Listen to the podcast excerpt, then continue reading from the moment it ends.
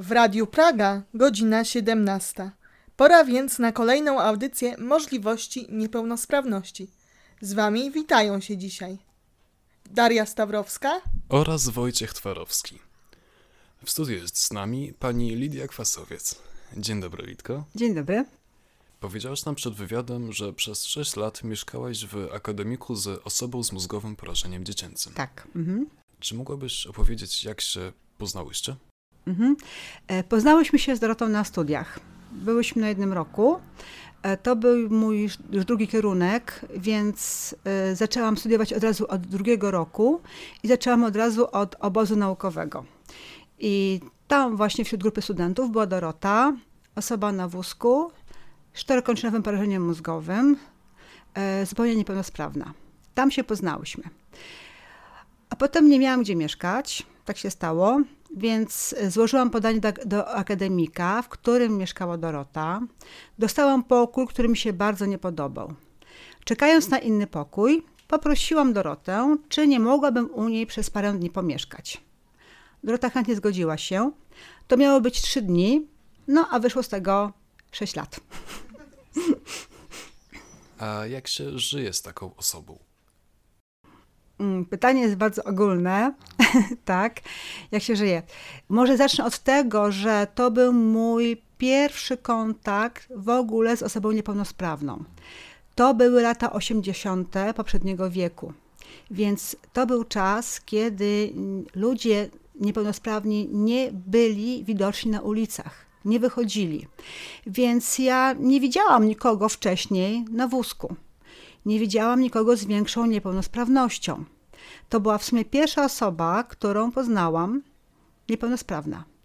Więc no, było to dla mnie coś bardzo nowego. Natomiast ja jestem osobą, która bardzo lubi wyzwania.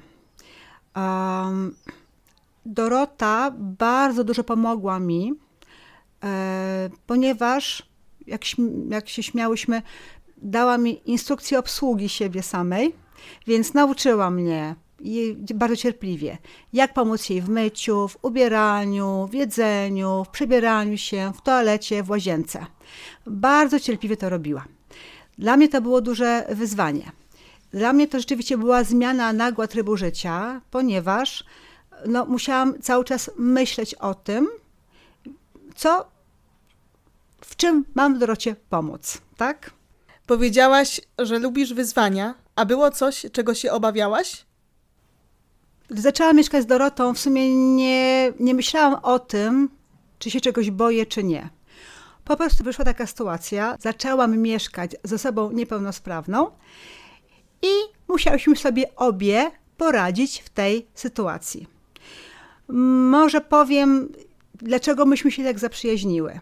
Sekret był taki. Gdy ja zaczęłam mieszkać z Dorotą, miałam bardzo, bardzo dużo energii. Wręcz zbyt dużo i to często mi sprawiało dużo kłopotów. Dorota z kolei była osobą nad wyraz spokojną, zbyt spokojną i to też sprawiało jej kłopoty. Więc dobrałyśmy się świetnie, ponieważ była cierpliwa wobec mnie. Dla mnie to było coś nowego, że ktoś nareszcie ma do mnie cierpliwość. Z kolei ja ją zarażałam swoją energią i ona z czasem stawała się coraz bardziej energiczna, a gdy kończyłyśmy ze sobą mieszkać wspólnie, doskonale ułożyła sobie życie, mogła zrobić wiele rzeczy. Więc myślę, że ta wymiana energii, powiedzmy tak, to była jednym z naszych sekretów wspólnego mieszkania. Dwa, miałyśmy wiele wspólnych zainteresowań, miałyśmy wspólny światopogląd. E, Trzy, wo- wokół nas pojawiali się bardzo ciekawi ludzie. Ludzie, którzy często sami potrzebowali pomocy. I myśmy we dwie im pomagały. Oni pomagali nam, my pomagałyśmy im. E, na pewno czasami było ciężko, szczególnie kiedy skończyłam studia i musiałam pójść do pracy. Więc musiałam, y, musiałam połączyć moje obo- obowiązki z nową pracą z obowiązkami przy Dorocie. Bywało często tak, że wracając z pracy, marzyłam o tym, że ktoś przyjdzie i da Dorocie obiad, żebym mogła na chwilę położyć się spać, ponieważ byłam bardzo zmęczona. A tak podsumowując, e, czego nauczyła ciebie, e, nauczyło ciebie mieszkanie razem z Dorotą? Mhm.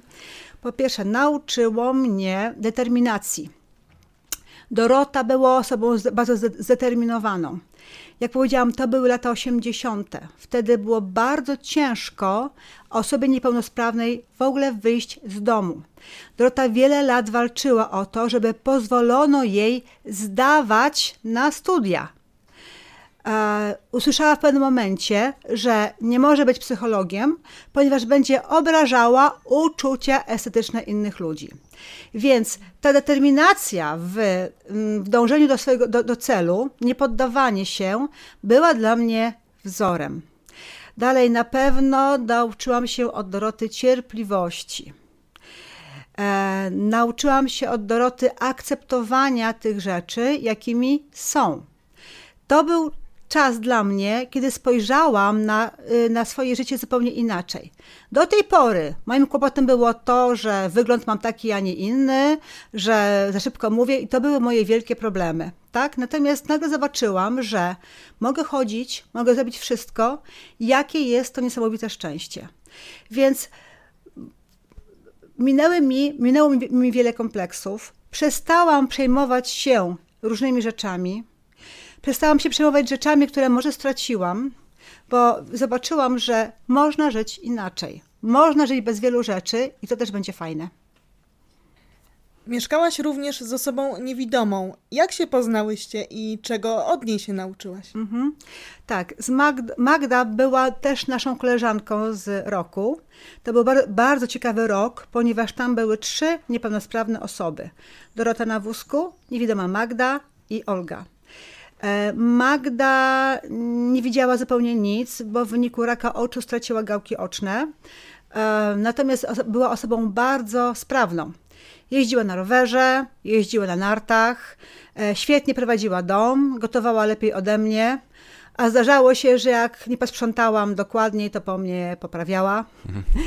Magda była muzykiem, Magda udzielała lekcji śpiewu, Magda uczyła śpiewać Dorotę Osińską i ja byłam przy tych y, lekcjach. Od Magdy nauczyłam się znowu determinacji.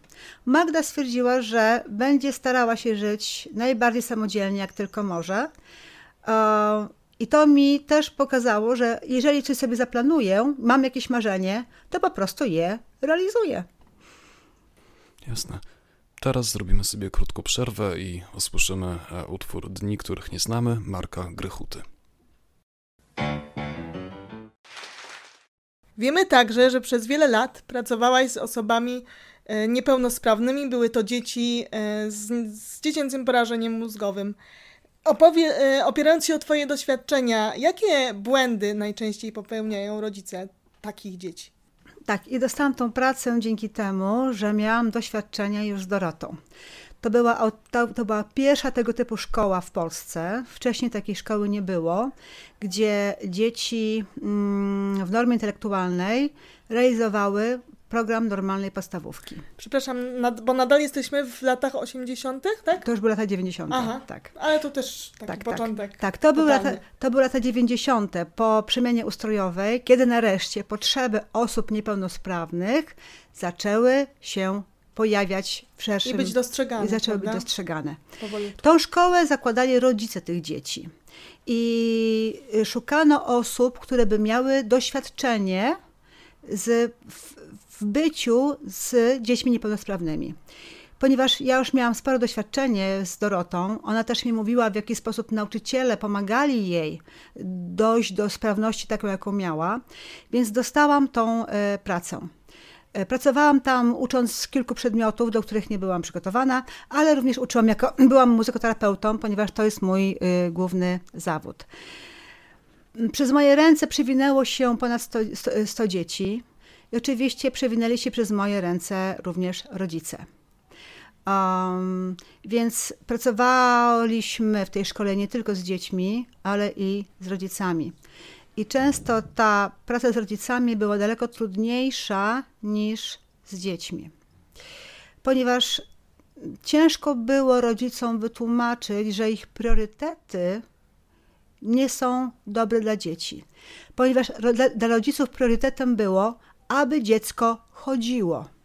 Ja mówiłam, ale dobrze, co z tego, że będzie chodzić, kiedy nie będzie mogło podciągnąć sobie majtek i, i, zje, i zjeść samo? Co jest ważniejsze, ręce sprawne czy nogi? Tłumaczyliśmy rodzicom, ręce są ważniejsze. Dalej tłumaczyłam rodzicom, co z tego, że będzie umiał chodzić, co z tego, że skończy Harvard, kiedy nie będzie umiał znaleźć sobie przyjaciół? Musicie uczyć dziecko nawiązywania kontaktów z innymi ludźmi. Kont rozwój emocjonalny jest ważniejszy niż rozwój fizyczny i intelektualny. Ponieważ właśnie widziałam, że nawet osoby z dużą niepełnosprawnością, jeżeli umieją złapać kontakt z ludźmi, naprawdę świat stoi przed nimi otworem. Darię mamy wspólną znajomą, Martynę, która jak wiesz, jeździ na potężnym wózku i nie jest łatwo jej się przemieszczać.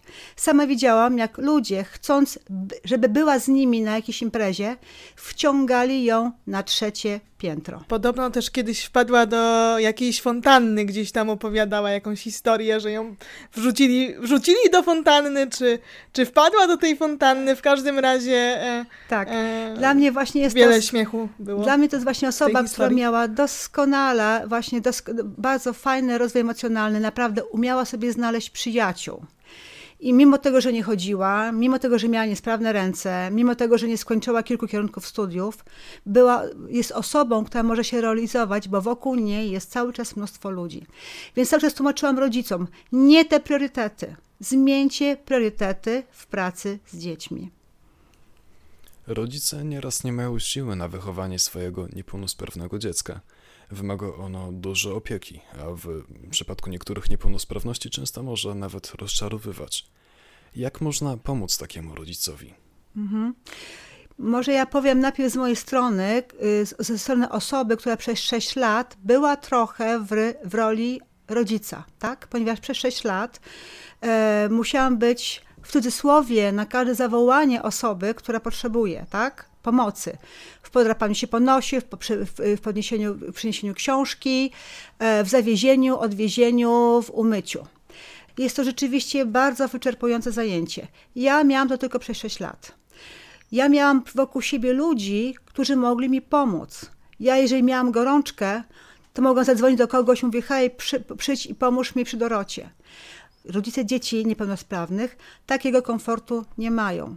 Musimy zobaczyć, czym jest bycie rodzicem osoby niepełnosprawnej.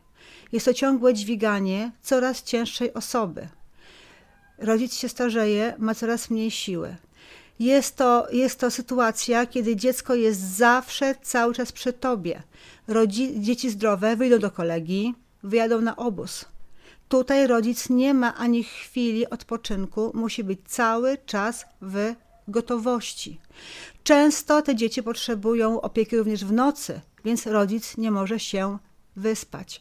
Jest to sytuacja bardzo obciążająca i fizycznie, i emocjonalnie. Do tego dochodzi strach, że dziecku pogorszy się stan.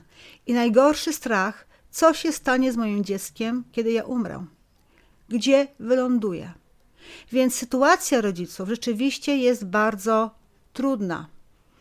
Do tego dochodzi jeszcze ubóstwo, ponieważ jeden z rodziców musi przestać pracować, e, więc są coraz mniejsze dochody.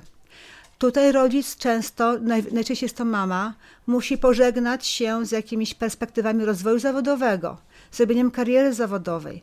Przestawia się jej zupełnie życie jest to często sytuacja, kiedy odwracają się przyjaciele, którzy nie umieją e, być z rodziną, w której nagle jest dziecko niepełnosprawne. Często zmienia się sytuacja bardzo dramatycznie i nie wszyscy rodzice są w stanie sobie w takiej sytuacji poradzić. Jasne. Ale wracając do pytania, jak można pomóc takiemu rodzicowi? Mhm. Gdy spojrzymy na sytuację rodziców e, dzieci niepełnosprawnych w Polsce, widzimy pierwszy wielki brak. Jest bardzo mało form pomocy tym rodzicom. Jest sporo form pomocy dzieciom, natomiast mało kto pomaga rodzicom. Brakuje punktów konsultacyjnych, brakuje wsparcia, nawet emocjonalnego. Brakuje osób, które by pomagały nawet y, pozbierać się emocjonalnie, przeżyć żałobę po, po tym, że nie mam zdrowego dziecka, tak? że moje dziecko jest zupełnie inne.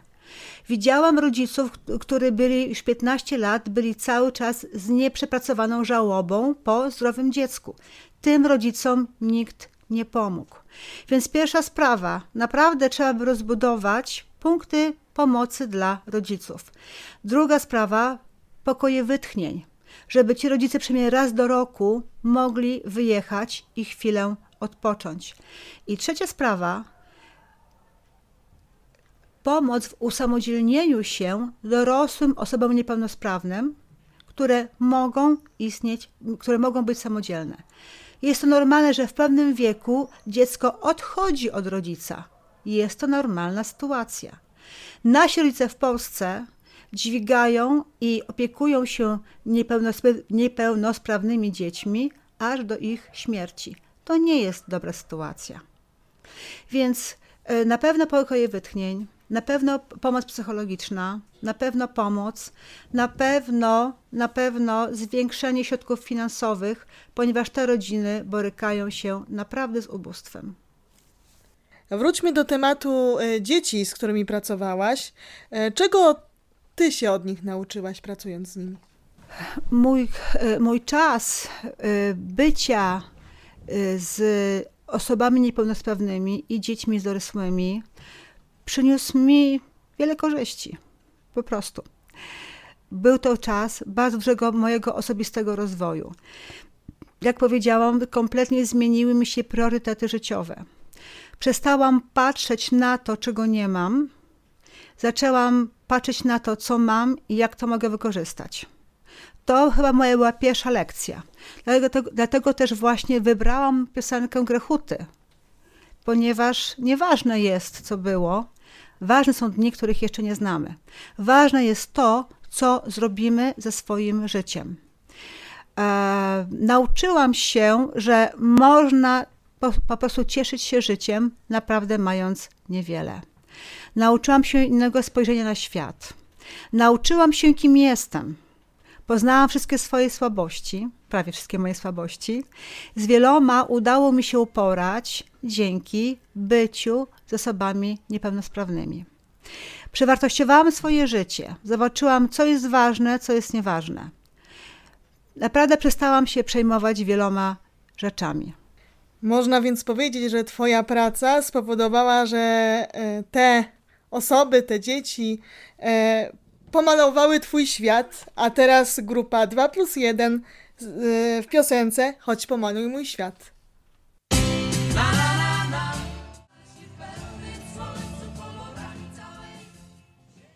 Powiedziałaś nam, dlaczego wybrałaś piosenkę Marka Grechuty, to teraz zadam Ci pytanie, dlaczego wybrałaś piosenkę, utwór zespołu 2 plus 1, Chodź pomaluj mój świat. Tą, tą piosenkę bardzo często śpiewałam z dziećmi na zajęciach. Dlatego. Powiedziałaś, że zajm zajmujesz się głównie muzykoterapią. Zajmowałam się. Zajmowałaś się, prawda? Brzmi to bardzo ciekawie. Poczytałem o tym trochę w internecie i okazało się, że warto, bo było już tylko ciekawiej. Wydzielamy muzykoterapię aktywną i receptywną. Nazwy mówią same za siebie.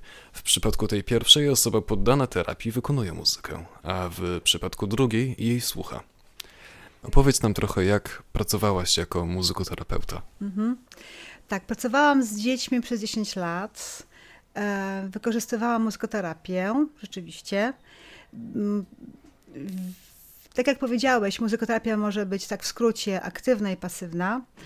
Ja wykorzystywałam bardziej tą muzykoterapię aktywną i wykorzystywałam ją w celu większego usprawniania dzieci.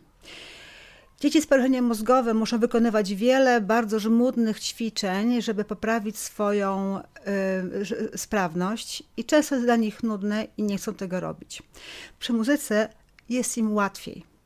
Byłam trochę szalonym y, nauczycielem, ponieważ zdejmowałam dzieci z wózków, wkładałam je na podłodze i zachęcałam ich do, do jakiegokolwiek ruchu przy muzyce. Jak ktoś umiał czwar- czwarakować, czwarakował, do pełzania. Jak ktoś nie mógł się ruszać, to do turlania się. Nawet jak tego nie mógł zrobić, przynajmniej do tupania nogami i rękami w podłogę.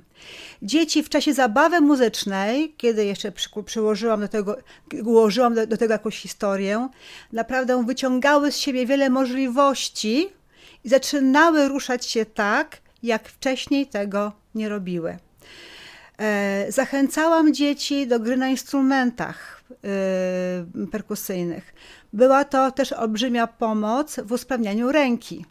Stosowałam specjalne taśmy, który, którymi mocowałam instrumenty do ręki, jeżeli dziecko nie mogło tego instrumentu utrzymać. Dzieciom niemówiącym opracowywałam teksty piosenek, używając znaków komunikacji alternatywnej, żeby mogły z nami pośpiewać. Bardzo często dzieciom włączała się wtedy wokalizacja. Było dużo efektów tego, takiego podejścia do pracy z dziećmi. Wykorzystywałam również muzykoterapię pasywną bardziej do relaksu lub uczyłam ich, w jaki sposób słuchać muzyki. Pokazywałam im, co mogą usłyszeć, co się może skojarzyć. Starałam się układać z nimi historie, nakładać emocje, żeby mogły emocjonalnie przeżyć muzykę. Mhm. To opowiedziałeś głównie właśnie o takim e, rozwoju e, fizycznym, ale słyszałem także, że muzykoterapię aktywną można wykorzystać do rozwoju takiego społecznego. Na przykład e, niektóre takie osoby biorą udział w różnych festiwalach. Czy stosowałeś także takie metody? Mhm. Tak, w tym, czasie, w tym czasie, kiedy pracowałam, zaczęły pojawiać się festiwale dla, dla dzieci niepełnosprawnych uzdolnionych muzycznie.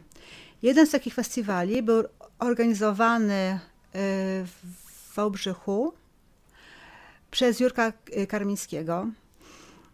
Ja, gdy usłyszałam o tym festiwalu, zorientowałam się, że mam kilka uczennic naprawdę uzdolnionych wokalnie. Zaczęłam z nimi pracować, e, zaczęłam uczyć ich wykonania piosenek. Efektem naszej pracy było to, że trzy dziewczyny pojechały ze mną na festiwal. Mówiłaś o pracy e, z dziećmi niepełnosprawnymi, o współpracy z rodzicami. E, jakie o jakich sukcesach mogłabyś powiedzieć, takich e, rzeczy, z których jesteś naprawdę dumna, jeżeli chodzi o pracę z rodzicami, czy właśnie z osobami z niepełnosprawnością? Mhm. Zacznę od rodziców, tak. E, rodzice, gdy zorientowali się, że wiem, w jakiej są e, sytuacji, ponieważ mówiłam im, że wiem, co to znaczy żyć z osobą niepełnosprawną na co dzień, nabierali do mnie zaufania i wielu z nich przewartościowało swoje poglądy na pracę z dzieckiem.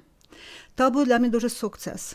E, pomagałam rodzicom uporać się z ich trudnościami emocjonalnymi, pokazując im dobre strony sytuacji, w jakiej są. Ponieważ kolejna rzecz, której się nauczyłam, o której, o której nie powiedziałam wcześniej, to uczyć się znajdować dobre strony w każdej sytuacji, w której jesteśmy wielu rodziców zaczęło lepiej współpracować z terapeutami. Jeżeli chodzi o dzieci, to cóż, e, tych osób, które jeździły na festiwale ze mną, było coraz więcej. I teraz prawie wszystkie z nich mają tak zwane normalne życie. Pokończyły szkoły, studia, mają rodziny, mają przyjaciół, funkcjonują w świecie ludzi zdrowych, umiały się znaleźć. Uważam, że jest to wielki sukces. Pora na przerwę. Utwór zapowie tym razem nasz gość. Litko? Tak. Nagrywamy ze, zna ze znajomymi płyty i następny utwór, który chciałam pokazać, jest to utwór oparty na psalmie 73. Do tego utworu przygotowałam chór, zrobiłam aranżację i gram na pianinie.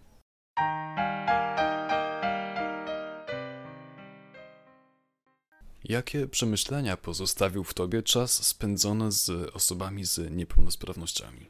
Mhm. Muszę powiedzieć, że był to dla mnie fascynujący czas. Niesamowity czas. To był chyba jeden z najlepszych okresów w moim życiu, które spędziłam z osobami z niepełnosprawnościami. Jest, był to czas pełen wyzwań, pełen y, czas wymuszający wiele twórczego podejścia do życia. W tym czasie, kiedy zaczęłam mieć kontakt z osobami z niepełnosprawnościami, pokutowało takie podejście: my zdrowi, litujemy się nad wami chorymi, my tu wam dajemy pomoc, patrzcie, co jesteśmy dobrzy. E, wiele osób nadal ma takie myślenie. E, jest to myślenie bardzo krzywdzące, ponieważ stawia ludzi zdrowych wyżej od ludzi z niepełnosprawnościami, podczas gdy jesteśmy naprawdę na równi. Myślę, że kontakt z osobami z niepełnosprawnościami może nam, tak zwanym zdrowym, pomóc bardzo dużo. Zmienić wiele rzeczy, wiele, wiele myślenia w, na, w nas. Sekret jest jeden. Nie stawiamy się na pozycji pomagacza, że ja ci pomagam, a ty tą pomoc przyjmujesz. Pamiętajmy jedno, że każdy człowiek może pomóc drugiej osobie. Każdy z nas ma dużą potrzebę pomagania, bo jest to fajne. To, czegoś nauczyłam, naprawdę pomaganie jest fajne i sprawia dużo radości. Ale osoby, którym pomagamy, mają też potrzebę i umiejętność pomocy drugiej osobie. Ja tej pomocy dostałam bardzo dużo i od Doroty, i od Magdy, i od moich dzieci. Dlatego ten czas był taki bardzo fajny, ponieważ był to czas wy wymiany doświadczeń. No i cóż, no i życie z osobami z niepełnosprawnościami może być bardzo zabawne. Mhm. A jakie właśnie takie zabawne momenty najlepiej zapamiętałaś? Och, ich jest dużo. Bo jak powiedziałam, jestem osobą z dużą ilością energii i z dużą ilością pomysłów.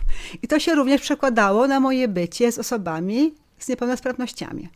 Kiedyś, kiedy mieszkałam z Dorotą, wyjechaliśmy w góry, byliśmy w jakiejś wiosce i ja nagle skojarzyłam, przecież Dorota nigdy w życiu nie widziała świata z góry. Więc zebrałam znajomych, wybraliśmy się z Dorotą w góry i wnieśliśmy ją na sporą górę. To chyba była Barania Góra, o ile pamiętam. Nie pamiętam dobrze. Wnosiliśmy ją na rękach, na kocu, ciągnąc ją, to była, to była zima, więc jak już byliśmy zmęczeni, ciągnęliśmy ją po śniegu. Biedna, wszystkie korzenie, wszystkie pniaki poczuła na swojej pupie. Ale wiecie, kiedy siedliśmy tej górze i zobaczyłam, zobaczyłam tą górę oczami Doroty, byłam tak szczęśliwa. E, jak powiedziałam, Magda, to niewidoma koleżanka, jeździła rowerem. E, miałyśmy, jak mieszkałyśmy razem, miałyśmy tandem, taki rower dwuosobowy. Więc e, jeździłyśmy bardzo często razem, ponieważ Magda lubiła szybką jazdę i ja lubiłam szybką jazdę, więc byłyśmy bardzo charakterystyczne jeżdżąc nad Odrą we Wrocławiu. Miałyśmy również ze sobą jej psa przewodnika, który po prostu biegł za nami. E, bardzo często było tak, że Magda upierała się, że mamy skręcić w lewo, bo pamiętała drogę, kiedy akurat ja wiedziałam, że droga jest inna i chciałam skręcić w prawo. E, kłóciłyśmy się bardzo ostro, jadąc na tym rowerze, w którą stroną mamy skręcić.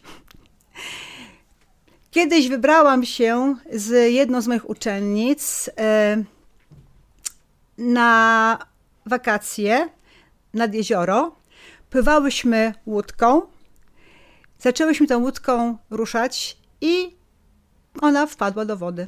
Nagle patrzę tam, gdzie była, nie ma jej, są tylko białe podeszwy jej, tramp, jej, trampek. Na szczęście była w kamizelce, więc sobie unosiła się na wodzie. Natomiast wciągnięcie jej do łódki z powrotem było nie lada wyzwaniem logistycznym. Wspominałaś, że byłaś e, wielokrotnie wolontariuszką e, osób niepełnosprawnych na festiwalach. Opowiesz trochę więcej o swojej działalności tam, jakie to były festiwale, e, gdzie się odbywały. Mhm. Może wolontariuszką to nie, ponieważ ja tam jechałam jako, nau jako nauczyciel i opiekun. Więc kilka razy rzeczywiście byłam w Obrzychu, na, tam na festiwalu i byłam również w Lubsku. Mhm. Jakie wrażenia e, masz z tych festiwali? jakie obserwowałaś? Mhm. Był to bardzo ciekawy, fascynujący czas, głównie z powodu ludzi, którzy tam się pojawiali. Ponieważ to były osoby niepełnosprawne, byli również z nimi rodzice, którzy bardzo walczyli o to, żeby usamodzielnić swoje dzieci. Więc to nie byli rodzice roszczeniowi, oczekujący, że coś dostaną. To byli rodzice, którzy naprawdę ciężko pracowali ze swoimi dziećmi.